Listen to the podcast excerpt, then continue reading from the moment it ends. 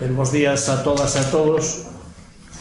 Gracias pola asistencia a estas décimas jornadas sobre lingua usos. En primeiro lugar, eh, ten a palabra o director do Servicio de Normalización Lingüística da Universidade da Coruña, don Xosé Ramón Freixeiro Mato. Eh, señor Reitor, señor Secretario Xeral de Política Lingüística, señor Secretario Xeral da Universidade da Coruña e señora Decana. Eh, hai xa dez anos que o Servizo de Normalización Lingüística da UDC ven organizando unhas xornadas sobre lingua e usos. Foi a profesora Goretti San Martín Rey que nas puxo en funcionamento a, lá eh, polo ano 2004 e desde entón venense celebrando regularmente porque sempre contaron eh, con público fiel que ano tras ano participa nelas. Este ano inscribironse case 100 persoas, feito que nos enche de satisfacción e tamén de agradecimento. Son xornadas sobre lingua, cada ano centradas nun ámbito de uso diferente. O primeiro foi lingua e cidade, e desde entón xa se levan tratado outros temas importantes, como lingua e idade, lingua e xénero, lingua e comunicación, lingua e docencia universitaria, porque tamén lle prestamos unha atención específica a este ámbito, lingua e ecoloxía, o ano pasado foi lingua e traducción, etc. E fican eh, múltiplos temas para o futuro, porque a lingua é materia transversal que ten moitas perspectivas de análise e de estudo. A lingua galega está ou debería estar en todos os ámbitos da sociedade e ali onde non está ou onde ten unha menor presenza queremos que se faga ver e ouvir cada vez con máis forza. E iso o empeño do Servizo de Normalización Lingüística que alén de traballar pola normalización eh, da lingua no ámbito universitario, tamén pretende eh, colaborar na tarefa colectiva de ascender o conxunto da sociedade, pois a universidade non pode vivir de costas a ela. Este ano as xornadas céntranse máis unha vez na lingua como substantivo e no teatro como complemento ao ámbito de uso específico. O teatro fai uso da lingua e a lingua galega serviuse do teatro para a recuperación de usos no mundo cultural. Deste modo, o teatro galego xogou historicamente un grande papel na dotación, dotación de espazos de prestixio para a nosa lingua. Estas xornadas van tratar, pois, sobre o papel que desempeñou e está a desempeñar o teatro na normalización do galego, mas tamén sobre o contributo que leva feito e está a facer na actualidade para a creación de modelos de lingua oral e para a súa adecuación aos diferentes registros de uso, algo que aínda hoxe o galego precisa afortalar. O teatro é vida e a lingua tamén eh, e a lingua tamén lle debemos dar vida en todos os ámbitos de uso social. Se o teatro galego xurdiu para prestixiar e potenciar a nosa lingua, hoxe aínda fica moita tarefa pendente, mas debemos recoñecer que o grau de normalización lingüística conseguido no teatro é moi superior ao alcanzado noutros ámbitos. Para falarmos de lingua e teatro, o marco da Facultade de Filoloxía é especialmente adecuado nesta ocasión, pois aquí contamos coa Biblioteca Arquivo Teatral Francisco Fillado Mayor de grande valía para os estudos teatrais. Neste sentido, debemos agradecer e recoñecer o labor e a xenerosidade do seu presidente de honra, Francisco Villano. Con noso respeto e admiración por todas cantas persoas dedicaron o seu tempo e esforzo na defensa e promoción do teatro galego, para estas xornadas quixemos contar nomeadamente con relatores e relatoras que traballan coa lingua no teatro, ben como actores e actrices, ben como profesionais dedicados a este tema ou como especialistas no aproveitamento do teatro para a aprendizaxe e normalización da lingua. Nesta liña procuramos algún pequeno oco no programa para nos lembrarnos tanto de Roberto Vidal Bolaño, a quen se lle dedicou este ano eh, das letras, como de Xosé Manuel Olveira Pico, magnífico actor que nos deixou hai pouco. Esperamos que o programa sexa de interese e responda ás expectativas xeradas por toda a xente que se inscribiu. Como director do Servizo de Normalización Lingüística e, por tanto, responsable directo das xornadas, quero agradecer vivamente a inestimable colaboración de Carlos Vizcaíño, mellor coñecedor do que eu do mundo teatral, que traballou eficazmente e con grande dedicación na organización deste evento. Tamén agradezo o labor do persoal do Servizo de Normalización Lingüística e de cantas persoas contribuíron ou están a contribuir de alguna forma para a consecución dos objetivos propostos. Teño de agradecer igualmente a colaboración da Secretaría Xeral de Política Lingüística que, como todos os anos anteriores, apoia económicamente a realización das xornadas, ben como o respaldo e ánimo que o Servizo de Normalización Lingüística recibe constantemente da Secretaría Xeral de que depende e do Goberno da UDC. Tamén debo agradecer a boa acollida que nos dá, como sempre, a Facultade de Filoloxía. As institucións públicas e as universidades, tamén o son, teñen e temos a obriga legal de traballarmos en prol da lingua. En esta tarefa estamos empeñados desde o Servizo de Normalización Lingüística.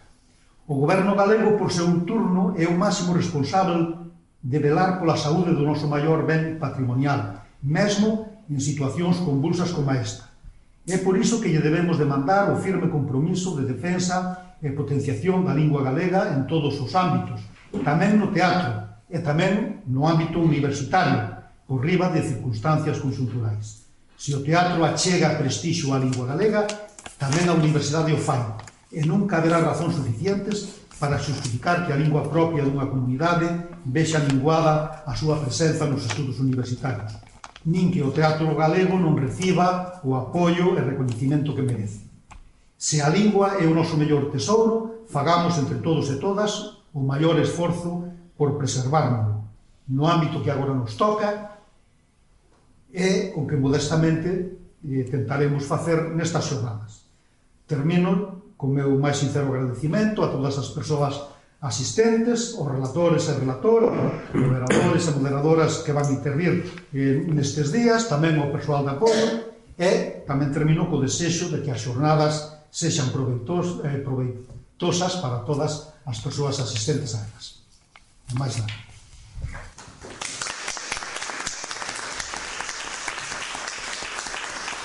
Grazas. A continuación ten a palabra a decana da Facultade de Biología, dona María Jesús Lorenzo Modia. Bueno, bo día. Eh, é un placer para min eh, ter a oportunidade de, de estar neste acto de honra á lingua galega e ao teatro porque eu creo que no fondo pois é o que é eh, enmarcase nesta ocasión na serie de xornadas de lingua e usos eh, organizadas polo Servicio de Normalización Lingüística que chega á, á décima edición eh, neste momento é que eu creo que se pode dicir que sempre contou con grande éxito de público e crítica, non? Eh, porque estas xornadas, eh, ademais de que poidamos disfrutar aquí da, da performance, de, da xente que nos ven falar ou incluso que, que ven actuar, estas xornadas despois podense seguir na rede, para os que non teñamos a oportunidade de, de estar en todas as sesións, eh, eu tive a oportunidade de facelo noutras sesións, e tamén se publican habitualmente monográficos, sobre o que aquí se trata, por tanto, é unha moi boa oportunidade para os que estamos aquí, pero tamén para outras persoas que ao mellor non poden estar e que e que disfrutarán e mm, se enriquecerán do que do que aquí se fale. Como xa dixo o director do servizo, esta facultade conta cunha biblioteca mm, arquivo teatral Francisco Pillado, por iso creo que tamén é unha moi boa ocasión para que se celebren nun centro que conta con graos en estudios lingüísticos e literarios e mestrados que prestan grande atención ao teatro nos seus programas académicos, eh, o teatro como reflexo da sociedade, o teatro como vanguarda da propia sociedade, e nós ao mesmo tempo tamén somos espectadores, tamén somos público, mirámonos no teatro cunha relación probablemente especular, ás veces recoñecémonos nese espello, noutras pensamos que non, que non somos nós, que é o espello o que se trabuca, claro, que non nos reflexa ben, que, que non somos doutra maneira. Penso que desto é do que van a, a tratar estas, estas xornadas sobre a linguaxe do teatro, que tipo de linguaxe debe reflexar o teatro, os valores da xente, de que xente, que registros, que ideolectos, que cultura, cultura rural, a cultura urbana, a culta, a popular, a chabacana incluso, eh, que valores hai detrás desa representación, porque se pode representar todos estes tipos de, de personaxes con funcións ou con eh, finalidades diferentes. Entón, eh, cal é a finalidade? É dicir, a finalidade é unha finalidade mm, para ensinar a xente, simplemente para divertir, para utilizar a lingua que es ah, no teatro como modelo ou como modelo lingüístico para o público, que tipo de lingua, que tipo de registros, é dicir, creo que todas estas cuestións, eh, dependendo dos tipos de registros, produciría empatía ou mesmo catarse ou non no público. Creo que todas estas preguntas son as que se fan os... Um, os escritores, tamén os actores, e que tamén se fai o, o público cando, cando asiste o teatro, dicir, si, si ten isto, non? Pero estas preguntas que eu creo que se fan en todas as culturas, nunha lingua minorizada como a nosa, os artistas, os autores, os críticos teñen unha responsabilidade adicional. E eles responderán a esa responsabilidade como mellor poidan ou saiban, pero evidentemente a función da crítica, a función dos estudiantes, a función dos estudiosos é reflexionar sobre, sobre estas cuestións. Eu creo que eh, evidentemente sobre, sobre isto se terá a oportunidade de, de traballar aquí, de reflexionar aquí, e, e por eso creo que teñen un grande, un grande interese. Non serían posibles as xornadas sin a axuda da Universidade, do Servicio de Normalización Lingüística, da Secretaría Xeral de Política Lingüística, da Xunta. A todos eles lle agradecemos a axuda, o apoio e o financiamento, que tamén, tamén o apoio. E estou segura que estas reflexións que aquí se fagan bueno, pois contribuirán a ese debate permanente e que aportarán ideas para futuros autores e probablemente autoras teatrais e para que se fagan novos públicos, espectadores para o, para o teatro galego. Nada máis. Moitas grazas.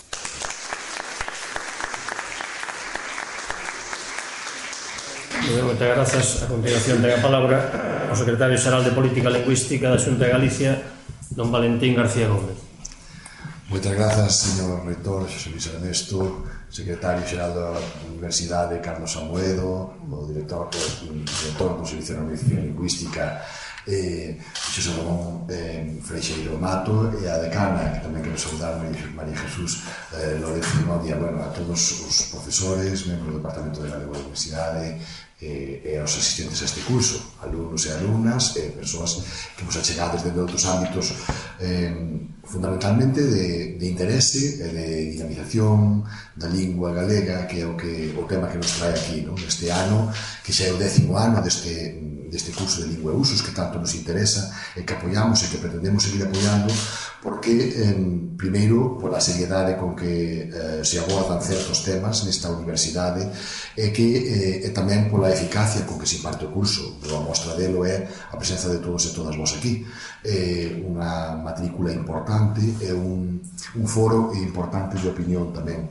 Eh, neste ano, no que vos entrar no teatro, que nos, nos parece tamén un aspecto fundamental, non sempre tan abordado como se quixera desde o punto de vista lingüístico, porque mirade, en todas as sociedades, en todas as sociedades eh, modernas e non tan modernas, porque isto podemos dicir que é así desde a, desde, desde a actividade clásica, o teatro foi un lugar fundamental para o prestixio da lingua, para o prestixio e para a presenza pública de calquera de, de moitas linguas, das linguas clásicas, logo das linguas romances, E, e, e así o foi tamén para o galego, e así o está sendo. Mm, máis aínda ten sentido aquí cando facemos dende a Coruña, porque xa se digo aquí varias veces a biblioteca fenomenal que tedes na fabulosa que tedes na, na facultade que leva o nome de, de Francisco Pillado Mayor, Pancho Pillado. Eh, Pancho Pillado, xunto con Manolo Lourenzo, foron persoas claves na, no Teatro Galego de Vanguarda non só na creación e recreación teatral, senón na definición dun teatro profesional galego. Eh, unha das bellas teimas de todo o galeguismo histórico eh, eh, supoño que este tema se abordará aquí con maior eh, profusión e, e, e voces moito máis autorizadas que a miña, foi a creación dun teatro, dun teatro profesional. Mirade, dende que, dende que Castelao eh, esquixo estrear, ou estreou, os vellos non deben de enamorarse no teatro Solís, en Montevideo, no teatro, perdón, no teatro Maio, en Montevideo. Eh, carecía dunha compañía. O primeiro, a primeira IVA que se deu, o, quizás o personeiro máis grande do galeguismo, cunha das obras capitais da nosa literatura, da nosa cultura teatral, foi que non había unha compañía teatral profesional eh, galega eh, que, digamos, entre aspas, desatalla para representar unha obra dese calibre. Non? Daí que tuvo que botar man do recurso do teatro de máscaras que ele coñecía na Unión Soviética que lle gustara tanto. Porque naquele momento o teatro que había en Buenos Aires, que tiña 400.000 galegos vivindo naquele momento, era o teatro que facía Valera Buxana, que acompañía Maruxa Villanueva, era un teatro costumista, bucólico, para pensando nos emigrantes que estaban alá naquele tempo, para facer rir, para falar da aldea, pero era un teatro que representaba algunha das obras 40 sesións seguidas a teatro cheo, no teatro, eh, en, no teatro Colón en Mosaics, por exemplo. E, e isto fai nos pensar que a nosa a sociedade galega o teatro non é algo recén chegado, é algo que ten unha longa tradición, unha longa tradición que despois colle xente como Pacho Pillado, como Manuel Lourenzo, máis tarde Roberto Vidal Bolaña, que dedicamos este ano o Día das Letras Galegas, que, é, eh, que, é, que son os que comezan, en realidade, a, a crear esa, esa, ese cadro de persoal xa de, de, de, do teatro profesional. Mm. E a partir de aí o teatro fai, fai nacer outras iniciativas moi interesantes, non debemos esquecer tampouco que o teatro é o pai do, do audiovisual. O audiovisual galego nace e nutrese dos actores e actrices que veñen do teatro. E a partir de aí o teatro é tamén fonte de, cre, de, de formación e de recreación pois, eh, de monologuistas, de humoristas, de presentadores de televisión, de infinidade de profesións que saen de aí. É, unha, é un entramado todo eh, cultural cultural e socioeconómico tamén, eh, que mantén unha gran parte da estrutura cultural profesional galega neste momento. Por iso o teatro é moi importante, e a formación lingüística no teatro é moi importante, porque o teatro nucleariza moito este todo, como digo, todo este, todo este tipo de actividade. Eh, por iso nos mm, congratulamos tanto de que abordedes este tema durante este días que ides tratar aquí e de estar eh, nesta pale facendo palestras eh, dos mellores especialistas que hai. Eu, gustaríame destacar pois, os, que te, os que ides ter hoxe, xa aquí temos entre nós xa a Laura Tato, a Rodríguez, Cándido Pazó, eh, Cándido Pazó vai celebrar este domingo a recén representación das memorias das, da memoria das memorias do Neno Gabriel, por exemplo, que lebrou dende Zurich ata Río de Janeiro, en Brasil. Dicir, é uh, unha mostra máis da vida que ten o noso teatro e o teatro feito en feito o teatro feito galego. Bueno, Ana Romaní, gostaria de dicirlo todos, pertedes o programa, non tedes Eh, non preciso repetilos outra vez aquí, incluso eh, ter a eh, o testemunho de Elena Serra Capó para saber o que está facendo noutras latitudes e eh, distinta, eh, distinta da nosa.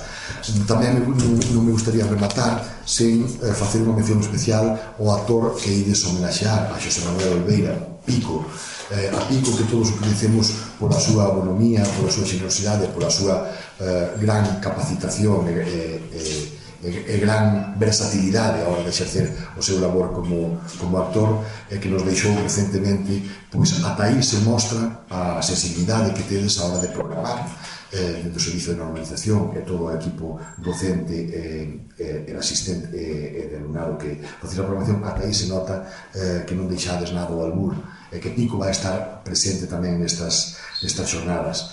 E, eh, e nada máis, dicir que dentro do goberno galego mm, seguiremos apoiando as jornadas, os cursos, todo aquilo que sexa eh, a promoción da lingua galega en calquera dos ámbitos onde ela se atope, porque todos son importantes e todos son fundamentais. Dicía antes José Ramón Freixeiro Mato, con razón, que o teatro é un bo exemplo de, do que debe ser o proceso de normalización lingüística no noso país, porque afortunadamente é un dos ámbitos onde eh, este máis arraigou, é onde eh, onde podemos presumir se, se me eh, admite admite o eh, admite este verbo non?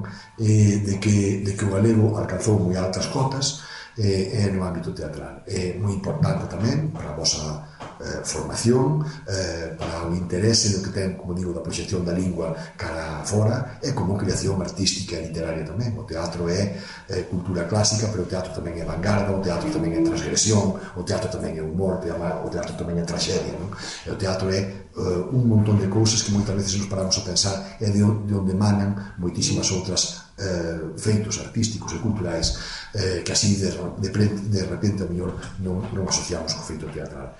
Que teñades un regular xornadas e que, um, eh, que, se, que seguro que van a ser moi frutíferas eh, moi enriquecedoras para a vosa propia formación e coñecemento conhecimento e finalizar como comecei decana, reitora, todos os responsables desta eh, universidade paralelizándonos e eh, dándonos eh, a Noraboa por ver un ano máis esta iniciativa con este eh, éxito evidente que hoxe temos ante nós. Muchas gracias.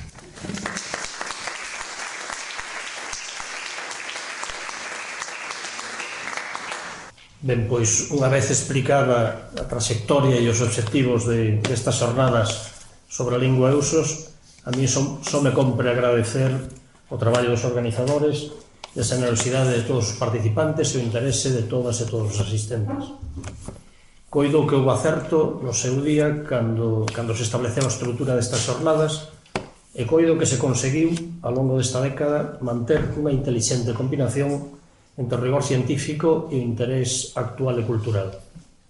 Debate académico moi encardinado na realidade cotiá dos usos da nosa lingua nos distintos ámbitos da vida. Pola experiencia das convocatorias anteriores, estou seguro de que os relatorios e os debates programados van despertar o vivo interés ao longo destes tres días. Esa experiencia e as edicións que se levan feito de todo o que se fala, que se discute destas jornadas, demostran que efectivamente estáse a facer unha chega de gran valor e altura dunha lingua moderna e viva que é a nosa que vertebra a nosa cultura e que nos identifica como país. Mas como aínda non temos unha lingua normalizada nun país normalizado, compre que cada quen, desde a súa responsabilidade, a promova e a defenda. A propósito da catástrofe do Prestige, decía o inesquecible Xosé Manuel Oliveira Pico, a quen se lle vai render unha xusta amenaxe mañá, que el sempre defendería os seus país a súa cultura e o seu idioma. E que se algún día o censuraban, por iso serían máis pobres de intelixencia os que fixesen esa censura. Pois ben, por riba das incertezas un tempo presente que semella pouco doado para estas cousas, as universidades galegas temos a obriga xa non de traballar a prol da lingua, senón de nos manter como referentes fronte ao desalento e fronte á inanición referentes académicos e científicos, desde logo, mas tamén referentes sociais de prestixo. O eido específico en que se centran as jornadas, o teatro, é hoxe un ámbito de prestixo para a nosa lingua, mas foi un espazo que houve que conquistar a pulso, con fe e, que con, e con convicción. Este ano dedicouse o Día das Letras Galegas a Roberto Vidal Bolaño, do que tamén se vai falar aquí polo miúdo, Non podía ser outra maneira cando se pretende analizar a lingua galega no teatro. Tamén el é un referente de prestixo e de loita. De loita por un ideal, con pés no chan, máis convencido do que facía, consciente da escaseza dos medios, pero sobre todo estimulado pola grandeza do, do seu objetivo. Como escribiu Camilo Franco, Vidal, Vidal Bolaño púxose a articular un teatro galego autosuficiente, capaz de explicar a si sí mesmo mentras explicaba o país ao que pertenecía. Ao redor de Vidal Bolaño foi este ano para falar do teatro galego, para estudalo, analizalo e proxectalo. Coido dedicarlle as, dedicarlle as jornadas de lingua e usos ao teatro e, e a misión que nos corresponde nos campus e baixar aos estudos, ao recoñecemento e ás revisións. Teatro, lingua e país. Teatro, lingua e país na vida comprometida de Xosé Manuel Oliveira. Teatro, lingua e país na vocación de Vidal Bodaño. Teatro, lingua e país, pois, no programa que comeza a se desenvolver de seguido e co que se plasma o compromiso da Universidade da Coruña ca lingua e cas culturas galegas. Mais nada pola miña parte, agradezo o traballo de todas as persoas que participaron na preparación destas xornadas, agradezo tamén o interese de todas e todos os participantes e como en anos anteriores agradezo o nome da nosa universidade o apoio da Xunta de Galicia para o seu financiamento. Moitas grazas e que disfrutedes das jornadas que de, a continuación comenzan.